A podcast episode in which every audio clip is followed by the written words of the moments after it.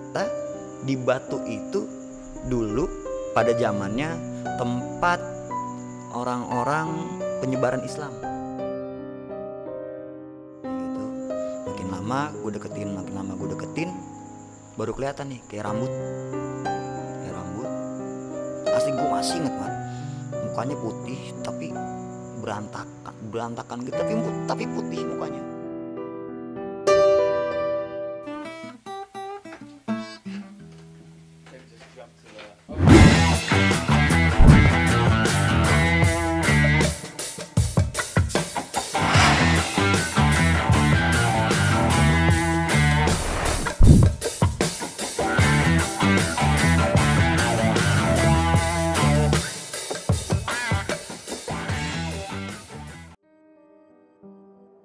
Assalamualaikum warahmatullahi wabarakatuh. Selamat malam teman-teman. Kembali lagi di Lentera Malam bareng gua Jamal. Dan di segmen Saksi Misteri ini uh, gua sudah kedatangan bintang tamu nih yang akan bercerita tentang pengalaman horornya. Kita langsung kenalan aja sama bintang tamu kita nih. Bang Lukas. Yuk. Apa kabar, Bang? Alhamdulillah baik. Bang Lukas, perkenalan dulu boleh, Bang. Oh ya, nama gue Lukas, gue tinggal di Bekasi. Oke. Bang, ini kan lu um, dulunya adalah bisa dibilang street punk atau anak punk ya bang ya. Ya. Nah sekarang malah lebih minatnya itu ke penggiat alam atau apa ya bisa dibilang pendaki juga nih. Itu gimana cerita itu bang? Ya awalnya sih emang eh, tahun 98 gue udah seneng seneng muncak lah, Mm-mm. seneng seneng mendaki. Terus dari situ tahun 98 ke lanjut ke apa milenium lah ya kan, 99 2000 itu udah vakum tuh, vakum muncak karena emang waktu itu ja- tahun segitu jarang banget orang Puncak. Uh-uh, jarang banget orang mau naik gunung lah nggak kayak sekarang gitu kan. Beralih lah gue ke dunia underground lah kasarannya Iya, iya. Ah, sebagai seorang anak pang lah kasarnya udah gue gelutin tuh anak pang. Ya udah eh, ya seru-seru aja sih sebenarnya. Karena gue emang jiwanya emang suka bertualang aja Bertualang aja Nah, lah ya. gitu Nah kalau untuk gunung yang lu daki ini Hmm. pertama kali di mana tuh bang? kalau gunung yang didaki tahun 99 2000 gunung gede Hmm. Gunung pertama Gede kali pertama kali. pertama kali gunung gede Pangrango Gunung Gede Pangrango Iya. itu berarti lu pada saat itu masih sekolah atau sudah lulus? SMP SMP kelas 3 kalau nggak salah SMP kelas SMP 3. kelas 3 SMP kelas 3 udah Iya, SMP kelas 3 kalau nggak salah ya udah lama banget soalnya gue mah belum berani itu. Bang Lukas nih kalau Ya. misalkan ada yang mau apa ya, mau kenal lebih dalam Bang Lukas nih bisa ke mana nih sosial medianya nih? Eh, paling sekarang gue pakai Facebook aja paling Pakai Facebook. Facebook aja Facebooknya apa nih Bang? Eh, Lukas Priyatno Lukas Priyatno ya. Nih Bang Lukas juga sering nulis juga ya Bang ya alhamdulillah untuk pengalaman pengalaman horornya. Ya udah ini masuk ke cerita nih Bang. Hmm. Kali ini lu mau sharing tentang pengalaman horor lu yang mana nih Bang? Eh, paling yang di Gunung Gelis aja kan Gunung Gelis Gunung itu Gelis. tahun berapa tuh kejadian? Gunung Gelis baru dua bulan yang lalu Dua bulan dua yang bulan lalu. yang lalu bulan Juli tanggal 25 26 Oke, sebelum teman-teman dengerin ceritanya Bang Lukas, teman-teman simak dulu yang berikut ini.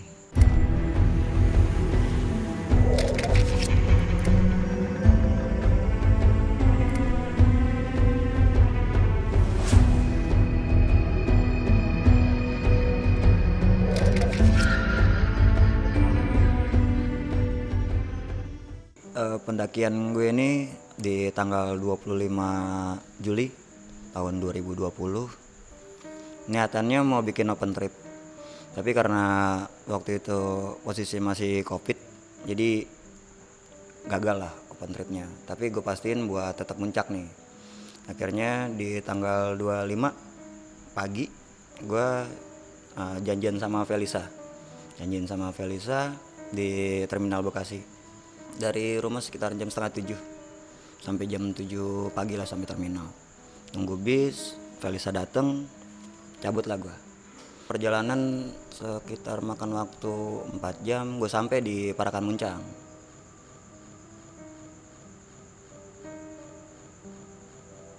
Sampai Parakan Muncang turun berdua gue ke warung kopi dulu nih. Warung kopi sambil ngecas handphone. Nah, handphone udah kayak gitu ampun udah lumayan agak penuh.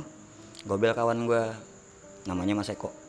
Mas Eko ini kebetulan temen gue muncak dulu yang tahun 99 2000an gue ke Gunung Gede. Nah itu gue kabarin Mas gue udah nyampe di Parakan Muncang nih. Oke om tunggu di situ. 15 menit lagi gue nyampe. 15 menit dia datang berdua sama kawannya namanya Om Kewon. Udahlah gue dijemput sama mereka ke base camp. Base camp ini pas banget di bawah kaki Gunung Gelis di perumahan Arthur kalau nggak salah. Ya di situ sekitaran sampai jam 12 lah. Sampai sana udah azan zuhur tuh. Udah dari situ kita ya ngopi makan-makan. Sambil packing-packing dah. Rencana kita berangkat tuh sekitaran jam 4 sore. Kita nih total berangkat ada enam orang. Banget ada enam orang. Tapi yang kawan gue yang dari Bandung ini dia kerja sampai jam 5 sore.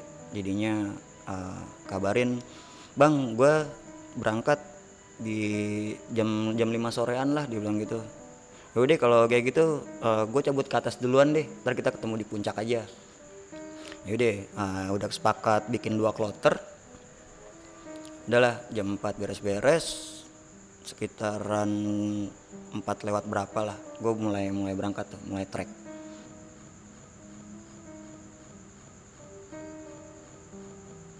masih lewatin persawahan tuh masih lewatin persawahan udah jalan lagi terus udah nggak ada rumah lagi nih warga udah mulai ke jalur treknya dari situ nih si Mas Eko nih kawan gue udah kecapean udah kecapean. Napas udah udah ngap-ngapan lah. Karena kita bertiga keril isinya tuh padat semua. Nah isinya padat semua.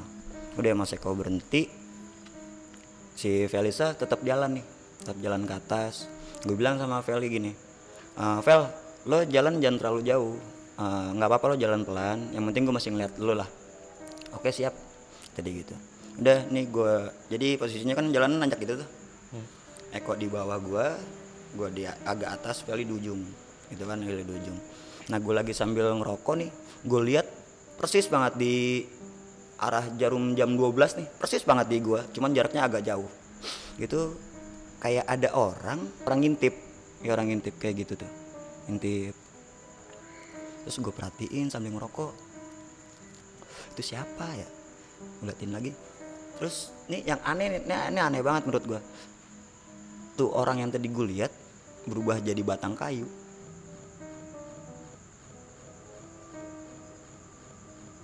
Udah dari situ gue terus pikir positif tuh. Ah emang batang kayu kali lah. Gue halusinasi gue doang kali ya kan.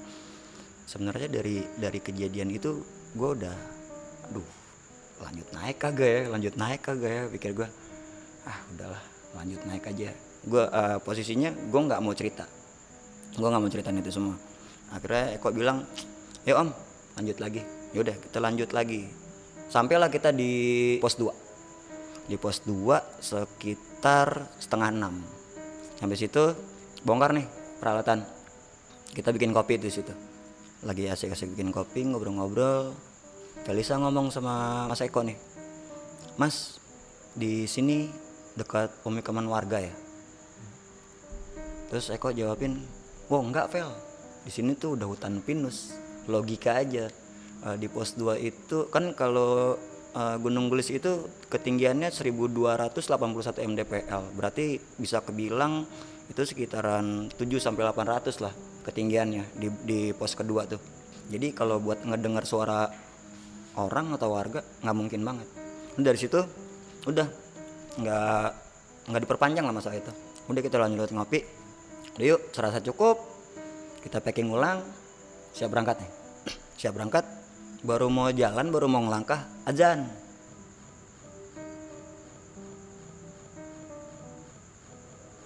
Azan maghrib azan maghrib lah tuh. Yaudah akhirnya kita duduk lagi. Udah nah, kopi masih ada sisa dikit-dikit nih.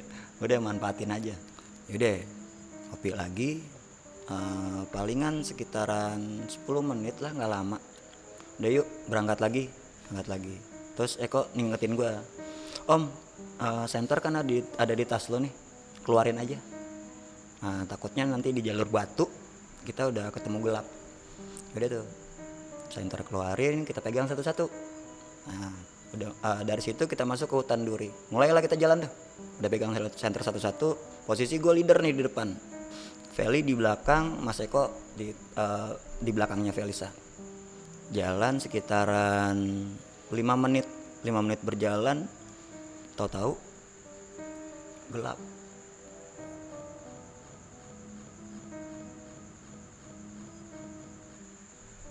Tadi padahal terang banget.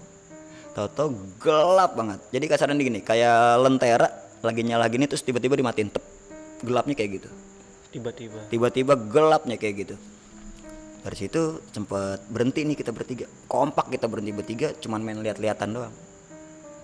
Tapi nggak ada yang ngomong sama sekali ya udah mulailah main cahaya center situ.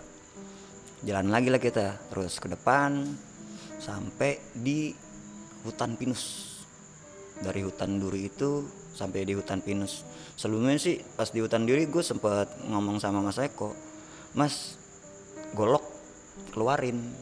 Soalnya jalurnya rimbun banget ya kasarannya ya sekalian buat nanti kloter kedua biar bisa tahu jalur lah biar kelihatan gitu kan pikir gue ke situ. Terus aku bilang waduh om nggak ke bawah eh lupaan. Oh ya udahlah jalan lagi aja. Jalan lagi sampai di hutan pinus gue bertiga bingung nih. Lah kok jalur banyak banget bercabang-cabang ya? Ini gimana? Sempat berhenti tuh terus gue sepintas di sebelah kiri atas tuh gue lihat ada pendaki lain. Cuman yang gue lihat cuman center-centernya aja. Center-center aja yang gue lihat. Udah dari situ eh, Eko ngomong sama gue om ini ada pohon tumbang. Akhirnya gue jalan ke situ. Pohon tumbang ini sebenarnya buat patokan kita buat ngarah ke atas ke ke arah Gunung Gelis dan ke jalur batu sebenarnya. Yaudah akhirnya tetap gue jalan di depan. Posisi masih semula Feli tengah Eko paling belakang jalan tuh kita tuh.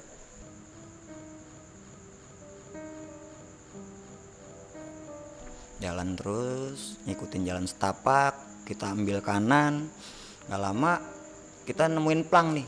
Ada bacaan dari perhutani. Dilarang menanam dan ya kayak gitu gitulah bacaannya gue lupa. Terus gue sempat bilang sama Mas Eko Mas ini jalurnya bener nggak sih? Terus Mas Eko uh, nimpalin gue. Bener om. Ini jalurnya. Ya udah jalan lagi. Jalan lagi. Kok makin lama bukan naik malah makin turun. Harusnya yang seingat gue itu kan sebelumnya kan gue pernah ke Gelis nih. Nah, dua minggu yang lalu udah pernah ke Gelis. Itu tuh jalannya dari hutan pinus itu harusnya treknya langsung ke atas. Nggak ada turun-turun lagi. Nah ini udah udah aneh. Kok turun mulu ya? Gue tanya lagi sama Eko. Mas ini jalurnya bener kagak sih? Bener om ini jalurnya. Mastiin lagi nih. Ya udah jalan lagi. Eko ngomong sama gue om kayaknya yang pendaki yang tadi ngikutin kita deh di belakang. Penasaran gue ikutin di belakang. Gue tengok nih ke belakang sambil gue center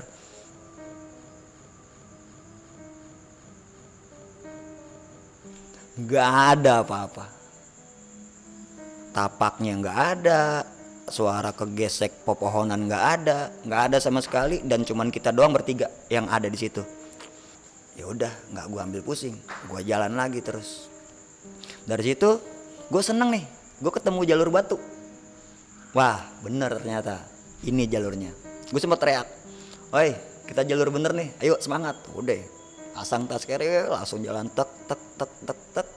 Cuman beberapa menit down lagi. Gue jalurnya terus turun ke bawah. Wah kacau gue bilang nih. Kok jalurnya makin begini makin gak jelas? Gue tanya lagi sama Eko. Mas ini seriusan jalurnya bukan. Bener om. Ini jalurnya. Jadi kasarannya gini loh uh, gua dibikin terus nanya tapi gue dibikin yakin sama jawabannya si Eko. Otak otak udah kayaknya udah kayak dimainin nggak tahu lah. Pokoknya uh, eh, gue tuh dibikin di, kayak orang kayak orang dimainin lah pokoknya di pas posisi itu tuh. Lanjut kita jalan nyusurin jalan setapak. Di uh, di sebelah kanan gue tuh uh, karena emang gelap ya kan kan gue senter senter doang tuh. Ya pokok eh, pohon-pohon lah pohon pohon-pohon gitu. Terus gue lihat ada sekelebat bayangan nih.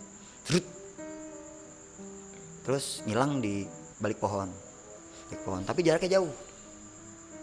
Gue cuman gini dong "Uh, apaan sih tuh? Jalan lagi gue. Jalan lagi nggak berapa jauh dari situ. Bayangan itu lagi ada. Cuman lebih ngedeket. Jaraknya deket banget.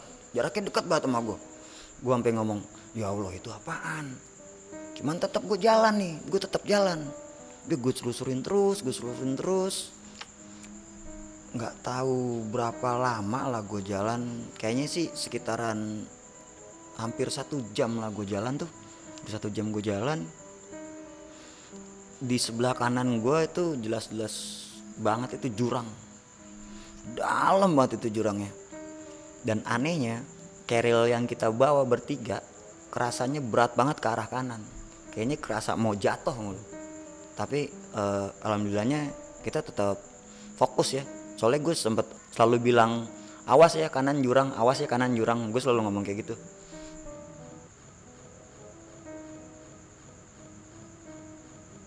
Ini yang bikin gue nggak mau nerusin jalan sosok yang ini yang gue lihat di sebelah kanan gue yang di jurang itu. Gue lihat nih dari kejauhan kayak putih kayak gitu. Makin lama gue deketin makin lama gue deketin baru kelihatan nih kayak rambut. Kayak rambut lagi jalan lagi. Asli gue masih inget banget mukanya putih tapi berantakan berantakan gitu. Tapi tapi putih mukanya. Nggak jelas matanya gitu apa gimana nya pokoknya jelasnya kayak gitu deh. Melaut mukanya putih berantakan. Terus kayak orang marah. Kayak orang marah kayak orang oh kayak orang marah ya pokoknya. Udah gitu gue gue berusaha buat ngelihat si si kakinya nih. Ini ngambang apa kagak gitu kan? Gue lihat gue lihat gue lihat sambil jalan. Itu bener tuh. Apa gue nggak ngeliat sama sekali kakinya di mana. Soalnya bawah jurang. Jadi jadi kasarannya gini loh. Eh lo kebayang nih eh, ini orang setinggi apa berarti? Eh, kalau kanan kanan gue jurang. Dari situ gue udah gemeteran tuh. Gue udah nggak bisa jalan sama sekali itu. Gue udah ya allah. Udah mikirnya wah gue mau balik gue mau balik gue harus balik. Gila gue bilang nih ini kacau banget yang pokoknya dia marah banget gue sampai bikin gue sport jantung banget lah sport jantung gue tuh proses pokoknya itu. Yaudah tapi tetap aja gue nggak mau ngecewain dua kawan gue di belakang kan. Gue lanjutin jalan pelan nggak lama dari situ jalur keputus nih. Jalur keputus. Gue sempat berhenti. Stop! Jalur keputus nih jadi eh, kalau gue lihat nih dari atas kayak ada ini loh apa kayak jalur air kalau hujan tuh lewat jalur situ jadi ngebelah ngebelah jalur yang setapak itu. Kira-kira 2 meter lah eh, besarnya itu. Kira kita berhenti tuh bertiga. Kita berhenti bertiga. Ini gimana nih mas? Eh, terus Eko ngomong emang di depan nggak ada jalur lagi ya? Gini aja deh lo berdua tunggu sini gue coba ngecek ke depan. Yaudah akhirnya gue lompatin itu bongkahan itu gue lompatin gue jalan ke depan. Sekitaran 5 meter gue jalan gue lihat gue center jalannya makin apa ya makin sempit lah. Makin sempit terus hutan-hutannya makin lebat. Akhirnya eh, ya udah gue putusin buat balik ke mereka lah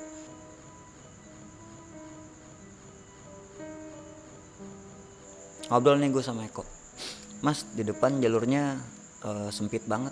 Kayaknya nggak mungkin lagi deh kita buat lanjutin ke depan. Dan lagian ini bukan jalur sebenarnya nih. Gue gituin kan. Terus enaknya gimana om? Tadi kira-kira dari pohon tumbang itu sampai ke titik ini kira-kira berapa jam? Gue tanya si Eko kan. Eko sih cuman feeling kayaknya ada lah om. Sekitaran satu jam lah kita jalan ini. Eh, gini aja deh Eh, kita balik lagi aja. Soalnya eh, nggak tahu nih di depan kita bakal bakal kayak gimana. Soalnya ini bukan jalurnya mas gue bilang gitu kan. Ya udah baiknya baiknya gimana nih? Akhirnya udah gue putusin buat balik ke pohon tumbang tadi. Udah tuh nggak ada perdebatan. Akhirnya tetap gue jalan paling depan Felisa tengah Eko tetap di belakang. Jalan lah gue nyusurin itu lagi. Gua ngelihat sosok lagi nih tapi bukan bayangan bukan bayangan orang. Gue lihat kayak kayak anak babi. Kayak anak babi kecil terus berhenti depan gue. Gue center. Gue center cuman kayak jadi kayak pohon gitu kayak pohon-pohon kecil. Ah ajar aja lah jalan lah. Udah bodo amat. Jalan jalan-jalan lagi. Eh, berapa ratus meter ke depan gue nabrak sarang laba-laba. Sepanjang trek itu gue nabrak sarang laba-laba. Gue sempet mikir nih tadi lagi arah kemari gue nggak nabrak sarang laba-laba sama sekali. Tapi kenapa pas posisi balik baru nabrak sarang laba-laba? Tadi gue lewat mana? Itu itu aja yang gue pikirin tuh sepanjang jalan tuh. Ya kayak jadi kayak orang mikir sambil bengong gitu lah. Alah bodo amat udah di jalan lagi aja deh yang penting pokok tujuan gue nyampe ke pohon tumbang tadi aja. Jalan lagi balik. Tapi ini jalan balik nih aneh loh. Gue kayaknya cepet banget nyampe nya tahu-tahu udah nyampe ke pohon tumbang tuh. Sampai ke pohon tumbang tahu-tahu. Dari situ nyampe di pohon tumbang gue berhenti bertiga. Bentar deh kita break dulu. Dulu. Jadi ada dari pohon tumbang itu yang tadi kita belok ke kanan eh, kayak ada jalan kayak rumput-rumput gitu tuh. Gue susurin tuh. Lu tunggu sini berdua ya gue mau naik ke atas coba. Gue susurin jalan itu di atas kira-kira berapa meter lah hampir 10 meteran. Soalnya gue udah ngeliat mereka tuh udah nggak kelihatan cuman lampu-lampunya doang. Gue lihat ada jalur batu nih menuju ke atas.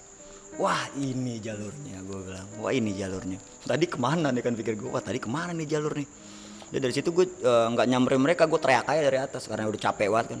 Gue bilang "Eh, mas Vel naik. Nih jalurnya ketemu gue bilang gitu kan. Udah tuh akhirnya mereka nyusulin gue. Berdua nyusulin gue udah mulai tuh naik ke atas nih kita nih. Eh, di situ angin udah kencang banget tuh.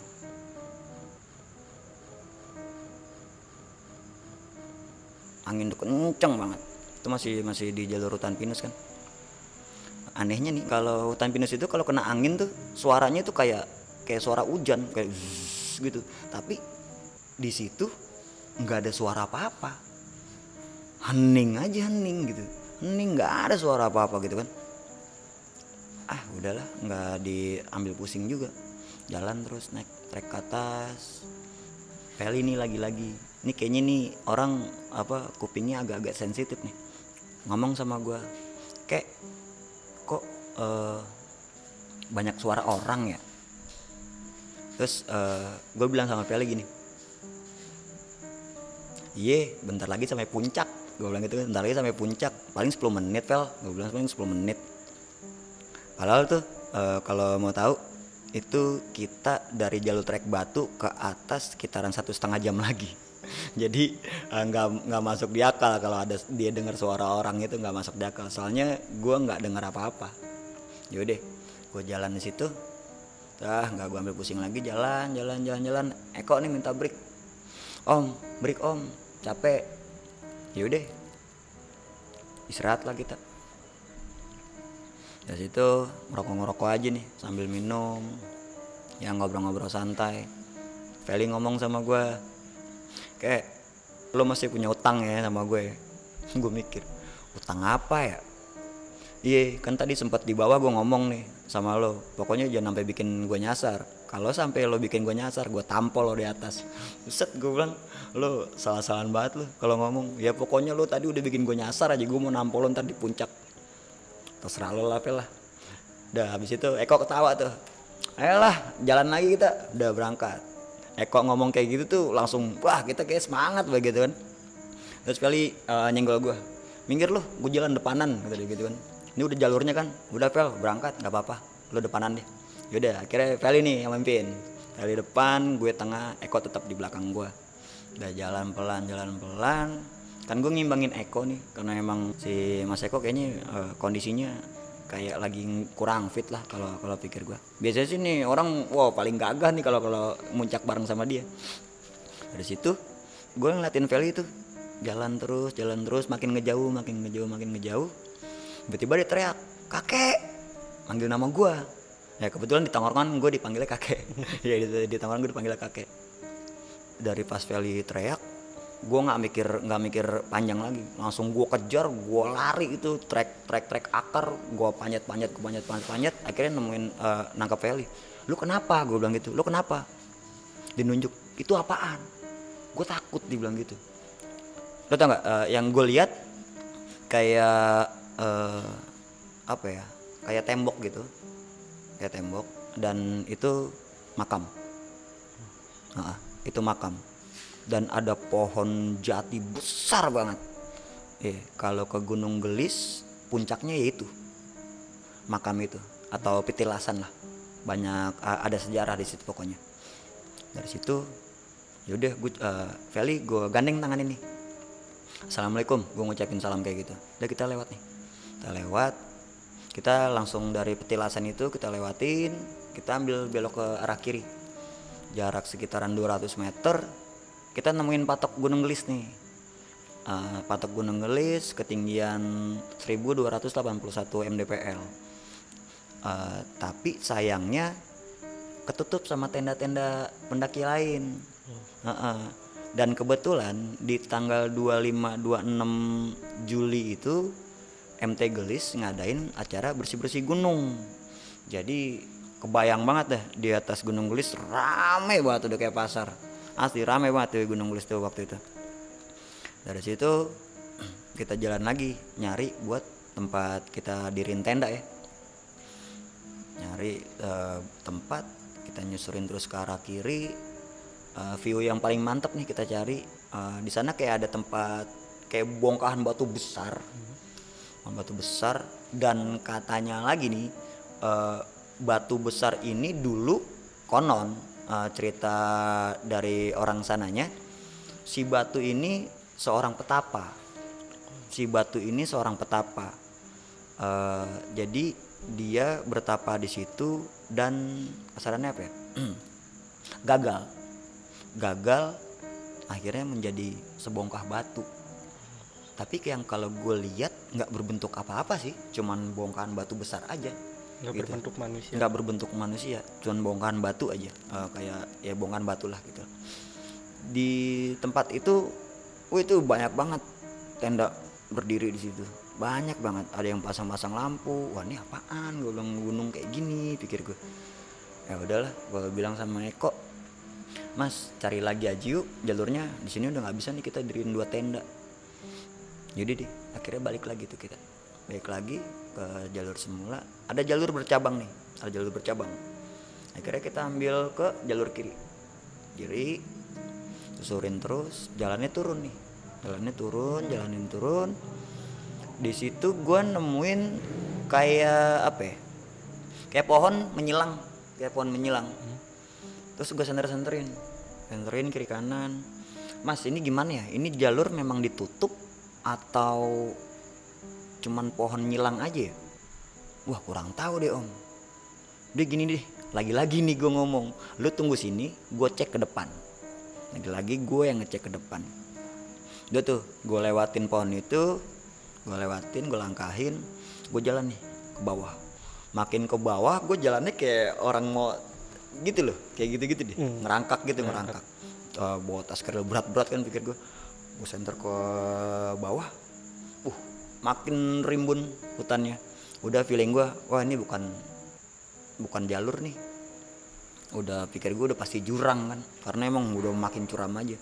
Dari situ udah nggak pikir panjang lagi gue langsung putar balik. Gue lari tau dari trek tadi di bawah gue langsung lari ke atas. Lari gue ke atas. Kenapa om? Kata mas Eko. Nggak nggak apa-apa. Pengen cepet-cepet aja gue bilang gitu kan bukan jalur om. Di situ nggak ada apa-apa gue bilang gitu. Nggak ada view juga. Mau babat babat pohon-pohon juga eh, nggak uh, bakal ada lah tempat. Kayaknya itu jurang. Terus gimana nih kata Feli? Terus gimana nih kayak uh, kita balik ke patok aja deh. Kayaknya gue lihat di uh, sebelah kanan jalan tuh kayak ada sisa lahan kosong dikit lah gue bilang gitu kan.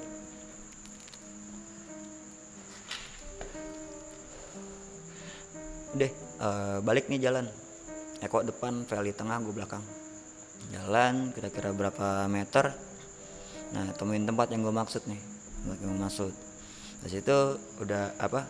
Ada pendaki-pendaki lain kan. Udah eh, taruh keril, ngobrol-ngobrol sebentar, gua bakar rokok.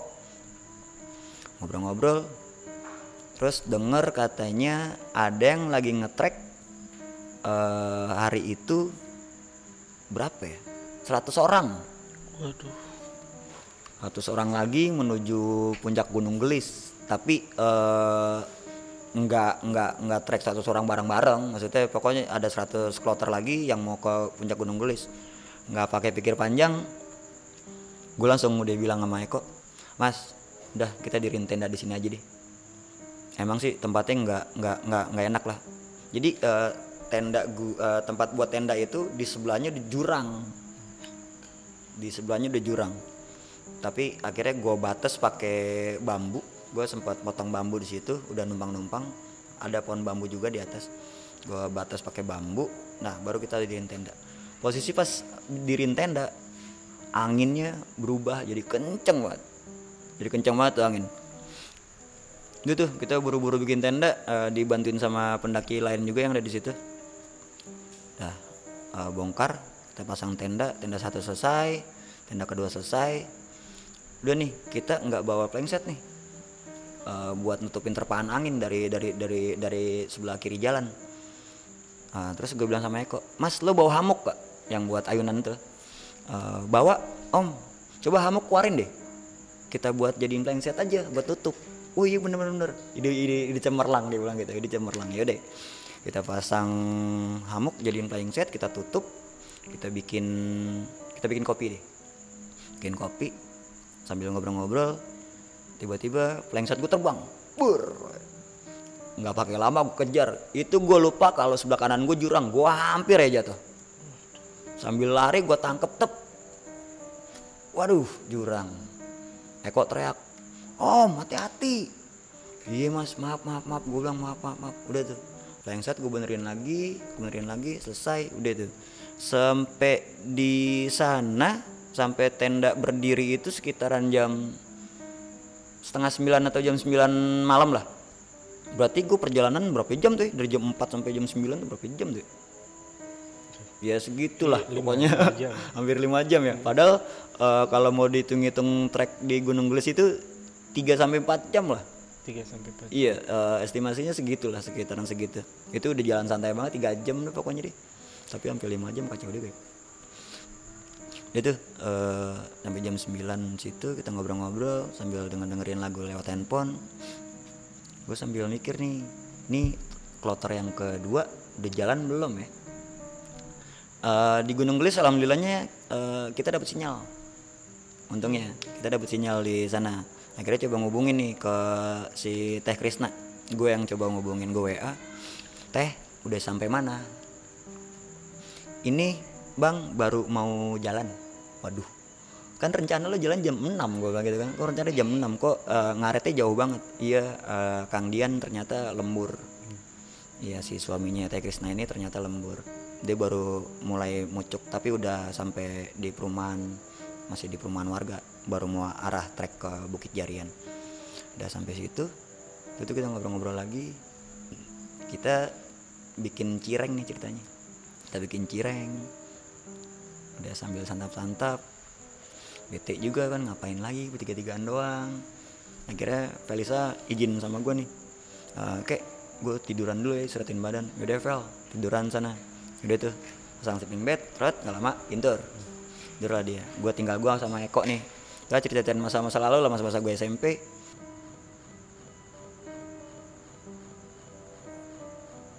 tiba-tiba gue udah kedinginan banget nih itu anginnya makin ke sini makin makin dingin banget itu anginnya.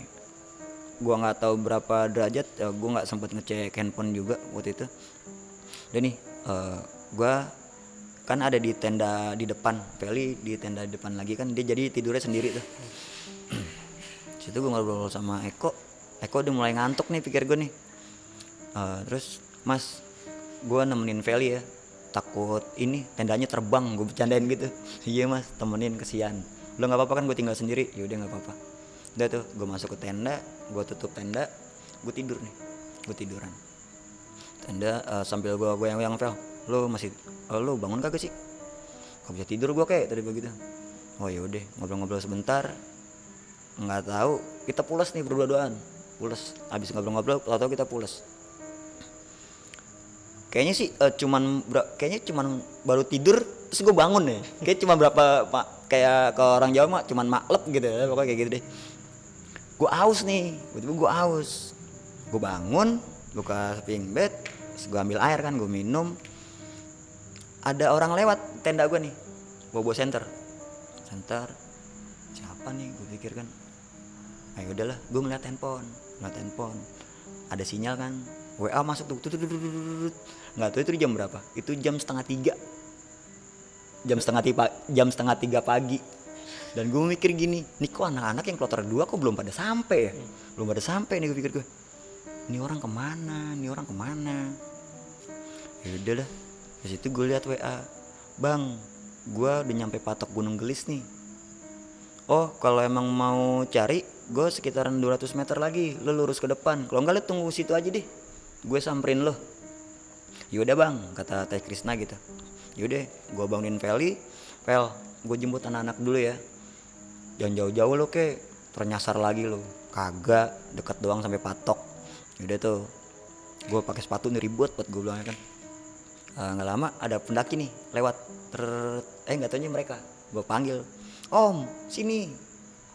Pas ngeliat gue langsung pada ketawa. Oh langsung ketawa kayak gitu kan.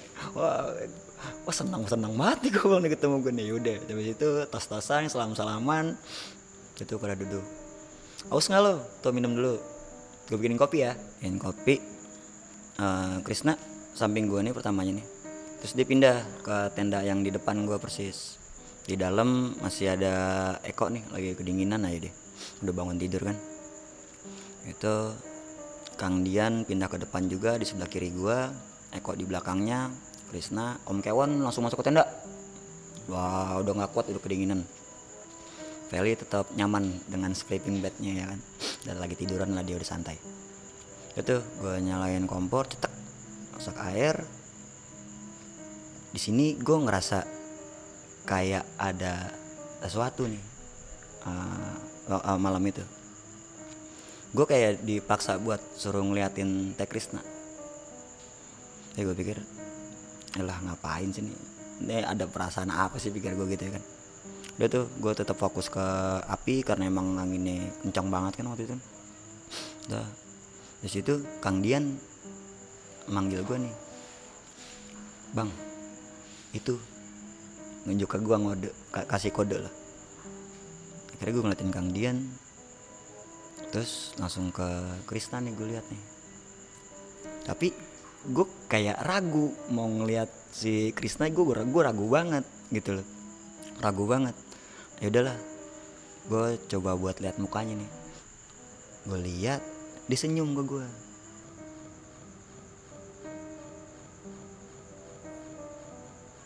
duduknya bersimpuh terus senyum ke gue senyum gitu. Gue bilang aduh gue langsung nunduk. Kok dia di sini jadi gini eh, kenapa gue bilang dia di sini? Jadi eh, waktu gue SMP kelas 2 itu gue sempat punya temen makhluk astral. Iya sempat punya temen makhluk astral. Eh, dia eh, kasarannya dia mau bersahabat lah sama gua si makhluk astral ini. Eh, dia juga coba kenalin namanya eh, namanya Mirna dia itu meninggal sebelum negara kita berkembang lah atau merdeka lah. Udah udah jauh banget kan. Jadi kalau kilas balik tentang Mirna nih eh, dia bunuh diri. Dia bunuh diri gara-gara nggak boleh bergaul sama lingkungan sekitar. Gua nggak tahu alasannya kenapa. Pokoknya dia tersiksa banget lah hidupnya tersiksa banget kalau dia waktu itu cerita sama gue kayak gitu sih. Jadi gini loh gua sama Mirna ini bisa komunikasi. Lagi posisi kayak gini terus tiba-tiba dia ngomong gue bisa komunikasi sama dia. Udahlah balik lagi ke cerita. Gue ngerasa bener-bener ini kok ada kok dia ada di sampai di sini. Padahal itu jelas-jelas gue uh, kalau dihitung uh, ada lah sekitar 20 tahun gue nggak pernah tahu kabarnya dia lagi si Mirna ini. Tapi malam itu gue ketemu dia. Tapi masuk ke uh, tubuh si Krishna si tubuh teh Krishna ya. Jadi gue suka kasih gambaran lagi teh Krishna ini dia seorang indigo. Teh Krishna indigo yang tinggal di Bandung. Dia juga bisa kontrol makhluk astral yang masuk ke tubuhnya dia. Bisa ngontrol astral ke, masuk ke badannya dia. Dari situ terus gue cuma ngomong sama teh Krisna gini aja. E, teh udah teh. Udah apa? Gue bilang gitu. Ngeri gue gue bilang gitu. Gue sambil he gue sambil merinding gitu kan. Dari situ gue lihat teh Krisna lagi. Udah tuh biasa lagi tuh. Biasa lagi dia. Canda-canda lagi canda-canda lagi. Udah kopi mateng nih kopi mateng gue sediain sama mereka mereka pada minum. Gue bilang lapar nggak lo? Kalau lapar gue sekalian bikin mie aja nih. Lapar bang. Ya udah bikin mie. Bikin mie masak masak masak masak dan lagi-lagi kayak gitu lagi nih teh Krista nih.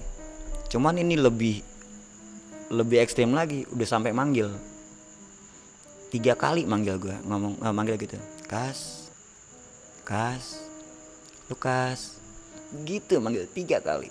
Akhirnya gue tengok gue senyumin doang gue terus ngomong dalam hati. Udah mir gue udah tahu. Jangan di sini ya. Udah dari situ udah tuh ya Krisna biasa lagi. Mie mateng yang dimasak sama Eko mereka makan. Makan habis makan udah kita ngobrol-ngobrol lagi. Nggak tahu itu udah jam berapa lah jam 4 kalau nggak salah. Nggak merhatiin juga sih pokoknya sekitar-sekitar jam segitu. Dan begitu gue mulai masak nasi nih. Mulai masak nasi liwet buat pagi-pagi kita sarapan kan. Uh, Om Kewon udah tidur Kang Dian udah tidur. Uh, Teh Krisna masih coba mau ngobrol lah sama kita kita orang di situ kan. Tinggal pokoknya tinggal gue Mas Eko sama Teh Krisna tuh. Akhirnya gue gini sama Teh Krisna Teh tidur aja. Kesian lo capek. Uh, nanti kalau nasinya udah mateng gue bangunin lah. Gitu. Yaudah akhirnya ya udah aku tidur ya. Bukan dia yang ngomong. Bukan dia yang ngomong. Itu gue tahu kan Teh Krista nggak bilang nggak pernah ngomong manggil aku kamu ke gua. Ya gitu deh uh, auranya juga masih sama apa yang gue rasain uh, lagi pas gue lihat senyumnya dia. Ya tuh akhirnya tidur udah tidur gue tinggal berdua nih sama Mas Eko nih. Uh, rokok sambil bikin nasi liwet. Uh, gue berdua nggak bisa nggak bisa masak nih gue berdua sama Eko. Pokoknya sejadi jadinya aja lah. Nggak tahu itu gosong apa gimana pokoknya gue ya udah yang penting masak makanan jadi kita makan. Udah tuh udah uh, cerita udah terang nih. Udah terang kita makan. Habis keluar makan kita ngobrol-ngobrol di luar tenda. Ngobrol luar tenda nggak lama dari MT Gelis mulai nih acara nih bersih-bersih gunung. Bersih-bersih gunung yaudah nih uh, ad, uh, jadi gini uh, mereka dibagi beberapa kelompok terus disuruh ngambil sampah terbanyak dan dapet trofi apalah gitu loh ada buat biar penyemangat lah kasarannya. Udah itu nanya nih sempet kelompok beberapa kelompok nanya ke kita bang ada sampah nggak? Oh ada gue bilang gitu. Tuh udah gue pisahin lo ngambil yang itu aja ya yang yang masih berantakan jangan lo pungutin mau gue bawa turun. Karena emang harus dibiasakan kayak gitu. Buat jaga ya biar jaga gunung kita juga lah biar ya, lebih lestari lagi kan. Kan katanya salam lestari ya enggak? Jadi ya harus menjaga kelestarian gunung lah. Udah dari situ kita masih ngobrol-ngobrol. Udah matahari udah lumayan terik nih lihat jam sekitar jam 11 terus gua kasih ke anak-anak. Udah yuk kita packing. Habis juhur kita uh, langsung trek turun kita balik. Yaudah siap-siap kita bongkar tenda. Akhirnya nggak lama azan nih azan zuhur. Udah kita jadi berenam tuh ya kan. Kita jadi berenam berangkat. Kita sempat foto-foto di patok Gunung Gelis. Eh, alhamdulillahnya di patok itu udah nggak ada tenda nih. Jadi kita bisa ngambil foto lah di sana. Kita foto-foto berenam. Dari gunung eh, dari patok Gunung Gelis itu gue bilang sama anak-anak "Eh, nanti kita mampir ke petilasan dulu ya atau ke makam. Oh iya bang siap. Gue mau ya ya mau mendoakan lah mendoakan yang ada di situ. Itu jalan lagi eh, trek lurus sampai ke petilasan. Di situ langsung gue masuk ke dalam petilasan jadi kalau digambarin kayak kotak gitu bentuknya lebar di situ ada satu makam yang ditutupin jarok besi dan tertutup kain warna putih. Gua coba ngedeket sampai di pagar itu kelihatan ada sedikit kebuka kayak ada patok kayak ada patok cuman ditutupin kain putih dari situ gue diri gue bacain al-fatihah sampai tiga kali udah selesai udah eh, kita langsung trek turun. Trek turun ini kalau emang siang baru kelihatan bener-bener treknya lumayan lah. Lumayan mantep lah ya Gunung Gelis ini. Kecil-kecil cabai rawit. Iya. Kita ngelewatin akar ngatin akar turun terus turun ke bawah baru berapa meter ke bawah si Teh Krisna kayak mendadak pusing nih. Sedang mendadak pusing. Kebetulan Teh Krisna mau jajalin tas keril gua. Padahal lagi pas awal gue bilang gini sama Teh Krisna Teh jangan dibawa itu tas berat banget. Soalnya emang amunisi ada di gua semua soalnya sama di tasnya si Mas Eko dua tas itu pokoknya nggak ada yang berani make dia berani beraniin make tas tas kita berdua. Ya udah akhirnya akhirnya kelelahan lah dia tuh kelelahan. Udah akhirnya tas ditaro udah akhirnya gue yang make dari situ mendadak Feli teriak kakek obat. Kenapa lo mah gue kambuh. Wah mah kambuh. Nggak pakai lama gue buka tas paling atas gue kasih obat sama air putih. Dulu minum. Makanya jalan pelan pelan posisinya nih Felisa ini ada di depan emang. Ini orang kacau nih emang si cewek satu ini nih. Jalannya runtul ya terus nggak gak ada udah-udahnya. Dia ngomongnya kayak gitu sih sama gue apa "Eh, ya nggak apa-apa lah gue kalau belum muntah nggak bakal stop. Waduh. Kata dia gitu. Ya udah akhirnya gue bilang ayo Vel kalau emang kayak gitu cara lo trek kita turun terus. Jangan ada berhenti berhentinya siap udah habis minum selesai langsung ngebut lagi dia turun tak tak tak tak tak tak singkat sampailah kita di jalur yang tadi gue sempat kesesar Mm-mm. di apa pohon pinus di hutan pinus ya. Di hutan pinus. Dari situ gue nemu batang kayu. Terus gue potong pakai belati gue bikin tanda panah. Bikin tanda panah. Ada tali rapia tuh yang emang gue sengaja gue simpen di tas keril gue akhirnya gue ikat di salah satu pohon. Niatan gue sih gini kalau memang ada pendaki yang lain moga-moga nggak terjadi sama kayak gue salah salah ngambil jalur ya. Akhirnya gue ikat itu. Lama Felisa nyamperin gue. Oke ayo udah yuk berangkat lagi. Teh Krisna udah jalan loh. Gue lihat dari bawah Teh Krisna kayak orang lari. Tek tek tek tek tek tek, tek, kayak orang lari. Dan itu bukan jalur ke arah kita balik.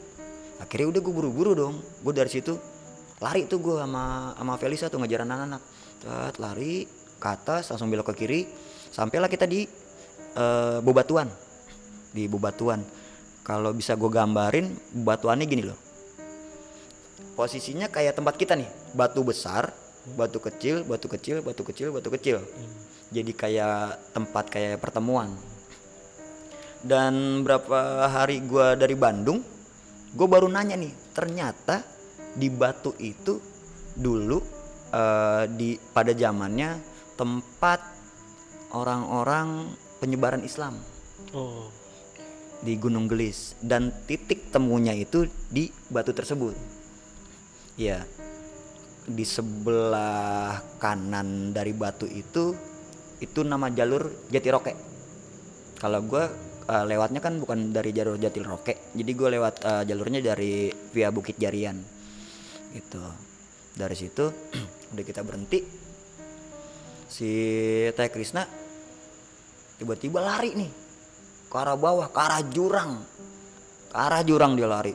Tet, sambil sambil nenteng-nenteng apa plastik sampah.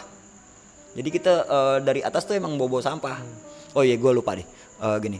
Sampai di jalur tadi tuh di jalur yang akar sampai ke batu gue nemuin banyak sampah di situ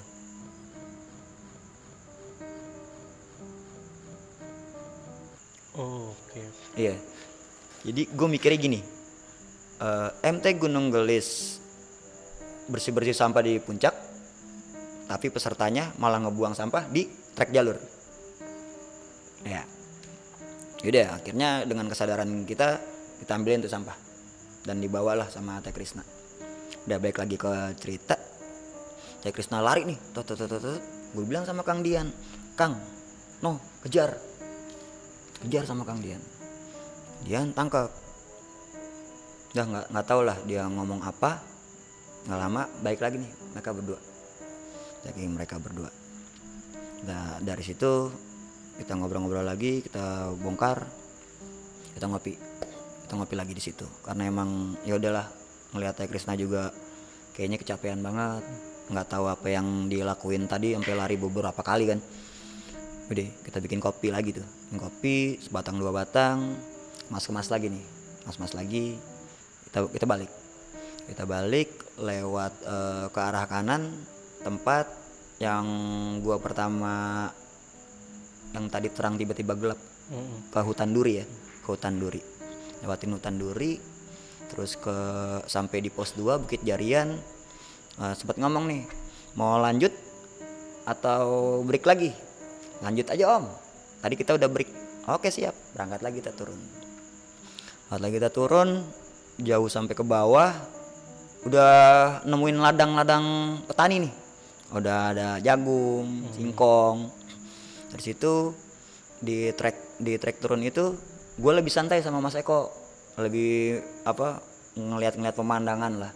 Gue lihat eh, gunung Banglayang gue lihat gunung-gunung yang lain terus sempat kepikiran ngobrol sama Eko Mas kapan-kapan kita ke situ yuk bilang gitu kan.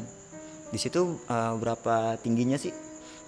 Kalau nggak salah sekitaran 1818 mdpl kalau nggak salah Banglayang cuman view di atas tuh hutan kalau kata Mas Eko nih. Jadi di atas puncak Manglayang itu nggak boleh ngecamp. Nggak boleh ngecamp nggak tahu kenapa mungkin atau takut angin besar atau apa gitu kan atau badai gitu kan. Yaudah kayak gitu. Terus kata Eko ayolah om. Pasti kapan ada kabar siap. Gasken kata dia. Gue cuman ketawa aja "Ah, ayo mas lanjut jalan lagi. Udah tuh tinggal gue berdua tuh pokoknya. Yang lain mah udah ngucuk nggak tahu ke mana. Udah nggak kelihatan lah pokoknya. Dari situ kita turun ngelewatin eh, pohon-pohon itu pohon-pohon penduduk gitu yang ditanam. Di bawah gue lihat ada Teh Krisna sama Kang Dian Nung- mungkin nungguin kita berdua. Tapi lagi-lagi nih aura yang yang tadi malam di atas berasa lagi ke gua gitu. Wah Mirna lagi nih gue pikir oh Mirna lagi nih. Ya udah gue liatin dari dari bawah sampai atas gue liatin. Terus dia senyum sambil giniin rambut. Terus gitu loh. Terus langsung jalan lagi. Pulang dalam hati gue ya Allah gini amat sih pikir gue ya Allah gini amat pikir gue udah tuh. Dari situ jalan lagi nih kita. Udahlah nggak terlalu diperpanjang juga.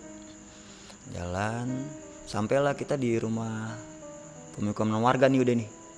Warga udah santai-santai sambil jalan lagi. Kita sampai di rumah Om Kewon. Nah rumah Om Kewon. Om Kewon ini yang mimpin kloter kedua naik ke puncak kan jadi kita dibagi tiga orang tiga orang ya jadi dua kloter.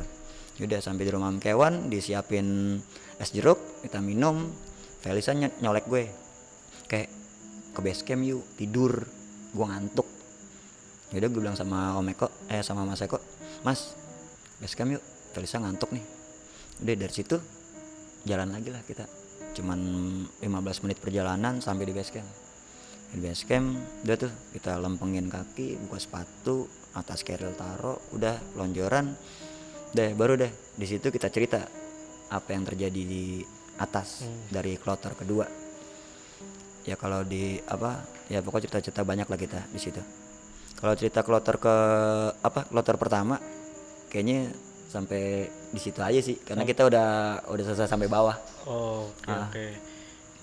Berarti em, ya lain waktu mungkin ya untuk cerita untuk untuk kloter, kloter kedua ya. ya seandainya emang mau dilanjutin buat kloter kedua ya bisa lah Bisa bisa bisa bisa tergantung nanti eh, tapi pasti banyak yang minta nih, Bang. Apa yang apa Bang cerita lagi untuk kloter keduanya pasti banyak netizen yang penasaran juga nih. Oh, oke sih Tapi tergantung waktunya Bang Lukas juga ya Bang ya. Siap, Mudah-mudahan siap, siap, siap. bisa bisa lagi nih main di di sini di Lentera Malam. insya, insya Allah insya Allah Oke. Bang, sekarang kita eh, review apa cerita yang dari Bang Lukas tadi nih. Kita Oke. review-review ya. Gua tanya-tanya lah ya. oke siap siap Sambil ngerokok dulu lah, Bang. siap Mm-mm, kopi gue takut dingin berasa di gunung ini anginnya oi Cepet dingin.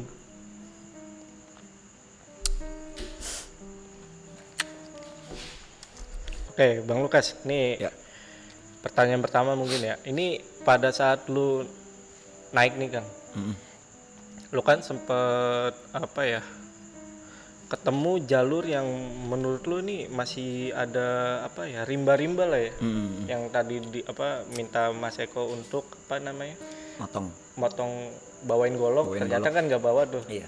Nah itu memang jalurnya itu memang jalur pendakian atau memang jalur baru itu kan Eh, jadi gini eh, kalau buat jalur Bukit Jarian sebenarnya itu itu dikelola sama eh, warga sih sebenarnya. Jadi kalau aslinya jalur ke Gunung Gelis itu namanya ada jalur Jatiroke. Kebanyakan para pendaki itu naiknya di Jatiroke. Oke. Nah, ah. Bukit Jarian ini eh, jalur yang dibuat sama ya tim anak-anak tim-timnya Eko lah pokoknya. Oke itu memang jalur yang tadi yang gue ceritain tadi tuh yang di jal- apa hutan duri itu Hmm. itu memang jalurnya mereka. Hmm. ke arah yang pohon tumbang. Mm-mm. ya itu. Tapi emang apa ya cuman jalan setapak sebelah kanannya jurang jurang jurang pokoknya sebelah kanannya jurang itu tuh rimbun banget. Oh. Rimbun banget itu eh, si hutan apa duri-durinya itu rimbun banget ketut. Jadi jalur gua ketutup oh ibaratnya jalur itu memang jalur pendakian tapi jarang pendaki lewat situ. Ya karena memang yang tahu eh, ya orang-orang sekitar situ aja yang di bawah kaki Gunung Gelis yang dari Bukit Jarian itu. Oke berarti eh, Mas Eko ini eh, orang situ termasuk? Aslinya sih pendatang cuman dia udah ya udah lama lah di sana. Udah lama udah tapi lama. sempet lupa ya? Ya itu dia makanya yang gue bikin bingung itu. Eh, eh, eh, eh. ya mak emang kan aneh juga loh. Padahal kan sebelumnya sebelum tri- apa yang gue kesasar ini tanggal 20 Juni gue dari sana. Hmm. dan itu lempeng-lempeng aja.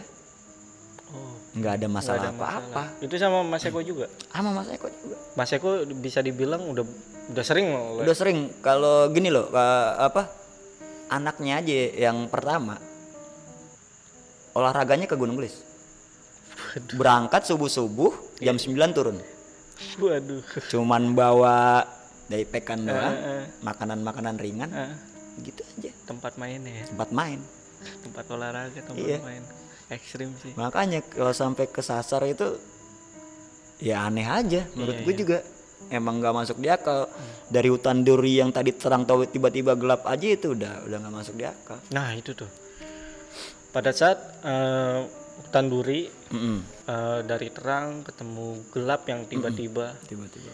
Menurut Bang Lukas itu eh, Bang Lukas merasa ini masuk dimensi lain atau ya memang nyasar aja?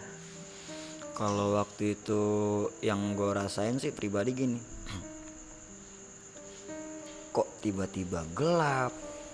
Kasarannya kalau apa ya mendung aja kan masih ada terang-terangnya nih nggak langsung dep nggak langsung gelap langsung tiba-tiba kan. Jadi gue mikirnya cuman perasaan perasaannya aneh aja. Nggak ngerasa gue ada di mana nggak ngerasa gue ada di dunia mana nggak nggak nggak nggak ke situ sih. Oh pik pikirannya nggak ke situ. Kagak ke situ gue mikirnya. Pokoknya aneh aja kok kok kok gelap. Gitu aja aneh aja gelapnya itu bukan kayak gelap maghrib itu tapi langsung gelap. Langsung gelap. Kan apa ya kalau dari sore mau ke malam itu kan ya pasti kelihatan lah pasti berasa ada Iya, remang-remang senja-senja. ah, kayak gitu-gitu. Baru gelap. Gelap. ini tahu-tahu dem.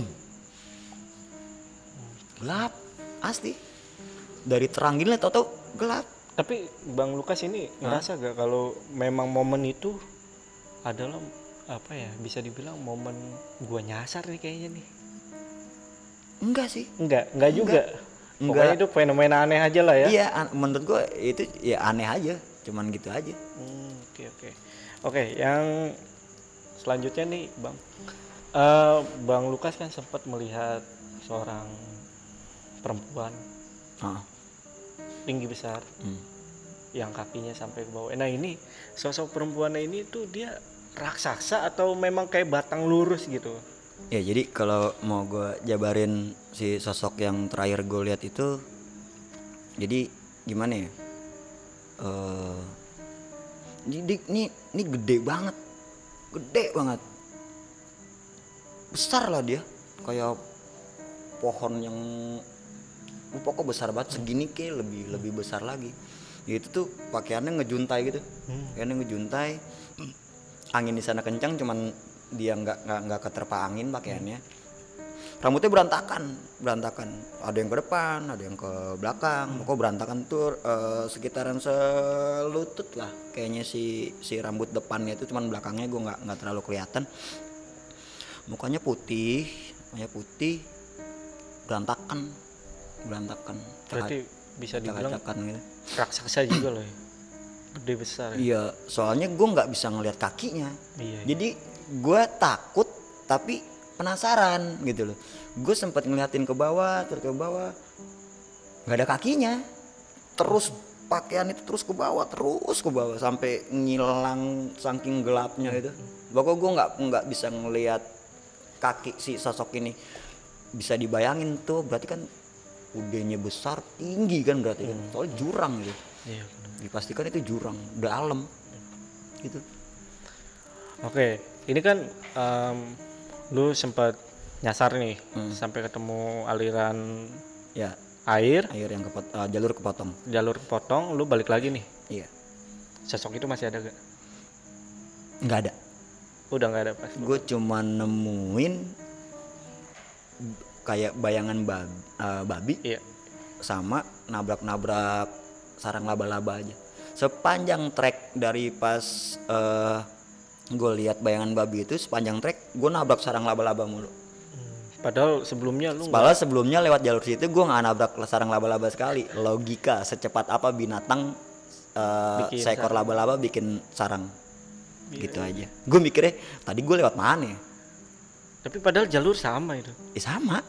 Ya kan itu jalurnya gue ketemu jalur ada nanjaknya, Hmm. terus ada turunnya, terus ketemu plang yang tadi gue ceritain Oh. dari perhutani dilarang menanam dan sebagainya. Hmm, Ya, gue lewat situ emang. Cuman sepanjang trek itu gue nabrak sarang laba-laba mulu. Oh, iya. gue nggak tahu di belakang gue ngerasa apa enggak soalnya emang nggak nggak gue tanyain juga sih Soalnya lu paling depan ya. Mm-mm. pokoknya yang eh, yang gue ceritain tadi yang lihat ngeliat itu gue doang yang ngeliat itu sama ngerasain itu Hmm. kalau Feli cuman ya eh, dengar-dengar sesuatu doang kan dari pas ngopi yang sebelum maghrib sama yang di jalur batu ya denger-denger gitu aja Oh, iya. nah ini eh, Feli kan bisa dibilang pada saat dengar-dengar suara ramai selalu itu dia ya. Mm, selalu itu dua kali kayak gitu. tahu lu bang si Feli ini emang sensitif atau enggak kalau yang gue emang berteman dia emang ya lumayan lama lah ada beberapa bulan. Dia sih ngomong sama gue gitu eh, kupingnya paling sensitif. Hmm. sebelum eh, lagi pas perjalanan eh, dari Gunung Gelis ke eh dari Bekasi ke Gunung Gelis pun Feli nanya eh, bilang sama gue kayak lo bawa handset gak bawa. Kenapa Vel enggak gue suka dengar-dengar yang aneh-aneh kuping gue sensitif dia bilang gitu oh gue bawa kok aman jadi sepanjang trek tuh sebenarnya dia harusnya pakai headset Hmm. cuman waktu itu dia nggak nggak nggak minta nggak minta headsetnya Oh. gitu sih Oke, ini yang terakhir nih kan. Ini di atas Hmm. pada saat lu ketemu Teh Krishna. Hmm. Teh Krishna tadi lu sempet jelasin bahwa Teh Krishna itu eh, bisa dibilang indigo ya. Iya. Em, dan lu merasa bahwa Teh Krishna ini em, dimasukin sama Mirna, sosok Mirna sosok Mirna. Nah, pertanyaan gua adalah apakah si Teh Krishna ini mengizinkan eh, dirinya dimasukin sama si sosok Mirna ini atau eh, Mirna ini yang memaksa masuk si Teh Krishna? Hmm.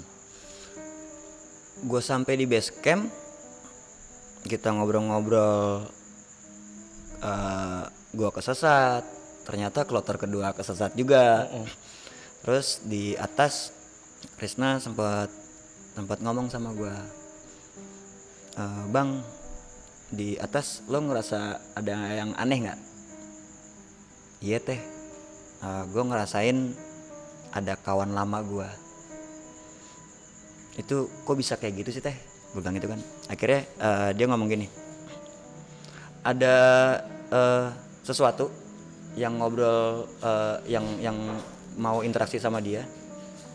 Cuman ngomong gini eh, saya Mirna. Nah, Teh Krisna bilang ke sosok itu boleh masuk tapi jangan full. Seteng separuh aja. Separuh aja. Tapi kalau menurut si Teh Krisna itu dia malam itu nggak bisa ngontrol badannya sama sekali. Jadi full dikuasain sama Mirna. Oh, full. Diizinkan tapi si Mirnanya malah harusnya separuh. Tiba-tiba langsung blong semua. Hmm, malah ini ya menguasai, Menguasai dirinya Teh Krishna ya. iya. Eh, mungkin itu aja sih, Bang untuk uh, cerita lu hari ini. Thank you banget, Bang. siap sama-sama. Nanti untuk kloter kedua kalau misalkan uh, teman-teman request eh, datang lagi ya. siap insya Allah Thank you banget nih buat ceritanya, Bang oke sip sip sip Lukas. Bang Lukas nih kira-kira ada yang mau disampaikan gak ke teman-teman Lentera Malam soal pesan moralnya buat teman-teman Lentera Malam nih pada saat naik gunung lah. eh pesennya sih eh, cuman ya gimana ya ya kayak pesan-pesan orang-orang yang lain lah selalu jaga etika di gunung sopan santun kalau mau naik kudu izin orang tua juga ya gitu-gitu aja lah yang eh, kasarannya lo bertamu lo harus sopan lah Jaga gitu. kebersihan juga. jaga kebersihan oh, harus itu harus harus jaga kebersihan Karena ya biarpun itu sederhana tapi banyak yang lalai itu. iya iya iya Ya kan? iya benar benar benar Oke, ini kalau misalkan teman-teman mau uh, kenal lebih dekat uh, sama Bang Lukas, Hmm. bisa sosial medianya apa nih, Bang? Eh, langsung ke Facebook gua aja eh, Lukas Priyatno Eh, ntar di situ juga ada cerita-cerita gue yang eh, beberapa ada Mirna juga di situ pernah gua tulis lo tinggal baca di situ aja Oke, yaudah mungkin untuk hari ini cukup. Uh, gua dan Bang Lukas pamit. Gua Jamal dari Lentera Malam. Sampai jumpa.